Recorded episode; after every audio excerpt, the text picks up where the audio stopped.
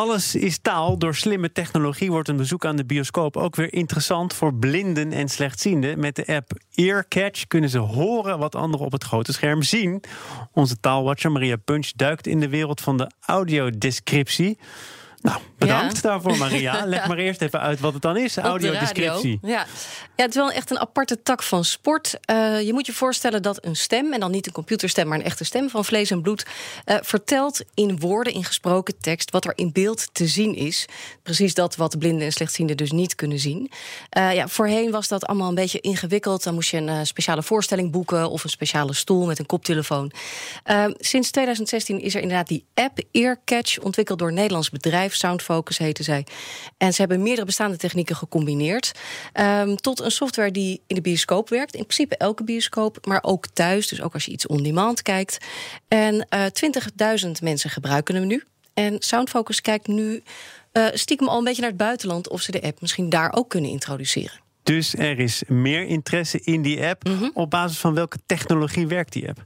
Uh, er zit geluidsherkenning uh, in. Um, het beste kunnen we even luisteren naar uh, Marijn van der Heijden. Hij is de directeur van Soundfocus. En hij zegt dus in principe thuis alvast een bestand downloaden. En dan heb je genoeg aan je mobieltje en oortjes. Technisch gezien gebeurt dat doordat de film luistert naar het geluid van de film of televisieuitzending, dat uh, herkent en daarop kan synchroniseren. En vervolgens gaat hij die beschrijvingen uh, helemaal synchroon met de uitzending of de film afspelen.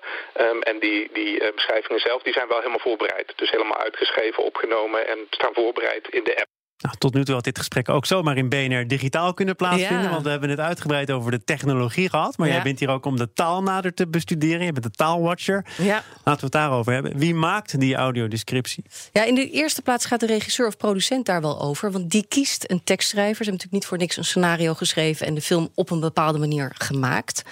Uh, dan moet die tekstschrijver beeldje voor beeldje gaan beschrijven... wat er te zien is. En dat luistert heel nauw, want soms heb je maar een paar seconden... en dan hoor je alweer een piepende deur of een dialoog. En daar mag die tekst natuurlijk weer niet overheen. Uh, vervolgens wordt er een acteur gecast... en die moet dan weer passen bij uh, de film. We hebben een fragmentje uit de dramaserie Klem... die nu bij de NPO te zien is. Terwijl Marius een hoek omloopt, pakt hij zijn autosleutel uit zijn zak. Net als hij de auto van het slot haalt, komt het zwarte busje aanscheuren en grijpen de twee mannen hem van achteren vast. Marius probeert los te komen, maar uit het busje springen nog twee mannen die een zak over zijn hoofd trekken en hem het busje induwen. Dan jakkert het busje weg. Ik vind het echt spannend. Ja, dat is het. Goed gedaan. Ja. Het, het heeft ook wel iets weg van een hoorspel.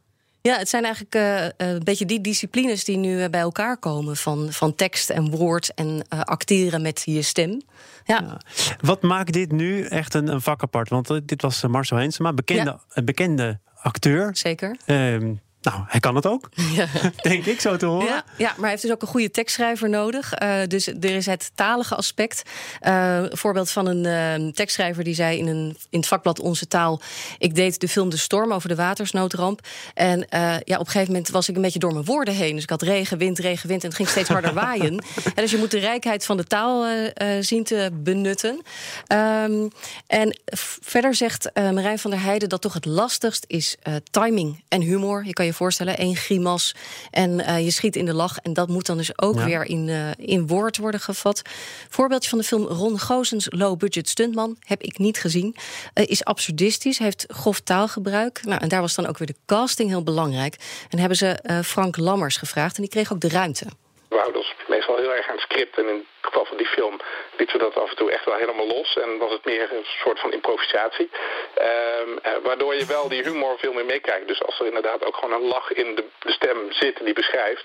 Uh, dan krijg je toch al wat mee uh, qua emotie, qua gevoel. Dat, dat dan hoort bij die scène. En dat bleek heel erg goed te werken. Ja, en dat ze dus ook zien als ze observeren, als mensen met die app luisteren, dat, uh, dat de mensen die kunnen zien en niet kunnen zien, uh, op dezelfde momenten lachen. En dan weten ze dat ze die timing in ieder geval goed gepakt hebben. En het werkt nu zo goed dat er interesse is van over de grens, want Soundfocus overweegt de stap naar het buitenland. Ja, bijvoorbeeld Groot-Brittannië, daar hebben ze dus hele goede uitgeruste zalen, maar met hardware. En die wordt op een gegeven moment oud en gammel. En dat is dan natuurlijk een mooi moment om met zo'n app uh, de markt te veroveren. Dus ze wilden daar niet echt een datum aan hangen, maar het is actueel. We gaan ze in de gaten houden. En als het zover is, dan zijn ze hier uiteraard het gast. Mooi verhaal wat er allemaal kan. Maria Punch, onze taalwatcher, dankjewel.